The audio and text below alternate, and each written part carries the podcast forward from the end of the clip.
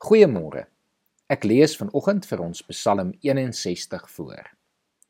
U is vir my 'n toevlug vir die koorleier met snarespel van Dawid. Hoor tog my hulpgeroep, o God. Slaan tog ag op my gebed. Ver uit die vreemde uit in wanhoop roep ek na U. Bring my op 'n rots waar ek veilig sal wees. U is vir my 'n toevlug, 'n sterk vesting buite bereik van die vyand. Laat my by U 'n blywende tuiste vind. Laat my skuil onder U vleuels. U o God, hoor my geloftes. U vervul die wens van hulle wat U naam eer. Laat die koning lank lewe.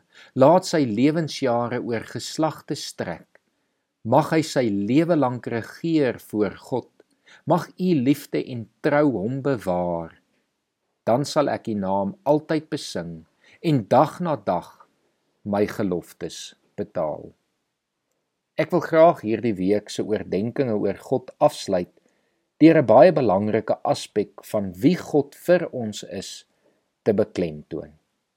Hier in Psalm 61 word God vir ons as 'n skuilplek 'n veilige vesting voorgestel. As daar een boodskap is wat die psalms deurgangs aan ons verkondig, is dit dit.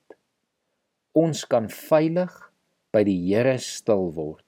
Ons kan maak nie saak in watter groot moeilikheid ons is nie, weer na hom om hulp roep en hy sal ons hoor en hy sal ons antwoord.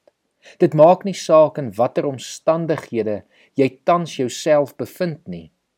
God sal jou nie in die steek laat nie.